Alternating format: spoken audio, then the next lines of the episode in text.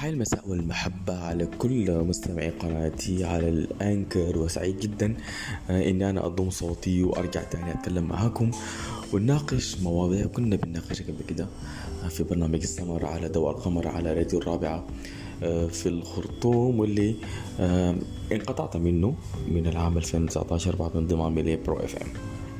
حابة إني أتكلم معاكم في مواضيع أو موضوع جديد في السمر على ضوء القمر وموضوع الغيرة. الغيرة من أكثر الأحاسيس اللي ممكن تكون قاتلة. الغيرة هي أساس للحب هي ترجمة للمحبة.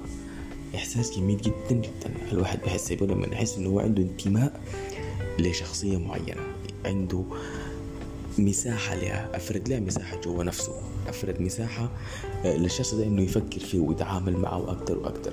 لدرجة إنه بيجي يهتم به ويحس إنه آه، بيتملكه إنه الشخص ده حقه الشخص ده ملكه. فكون انك تغير على فلان أو تغيري على على فلان أو أو فلان تغير على فلان.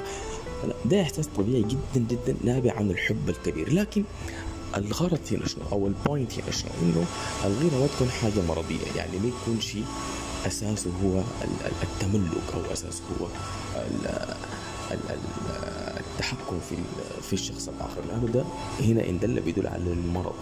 وده بيدي دلالات عكسية تماما وبيؤدي برضه لفشل العلاقة لأنه الشخص الثاني حيحس إنه هو اتخنق حيحس إنه هو اتدمر. خلوا الغيرة دائما تكون مفتاح للحب مش تكون دمار للحب. والسمر على ضوء القمر حيكون مستمر معكم.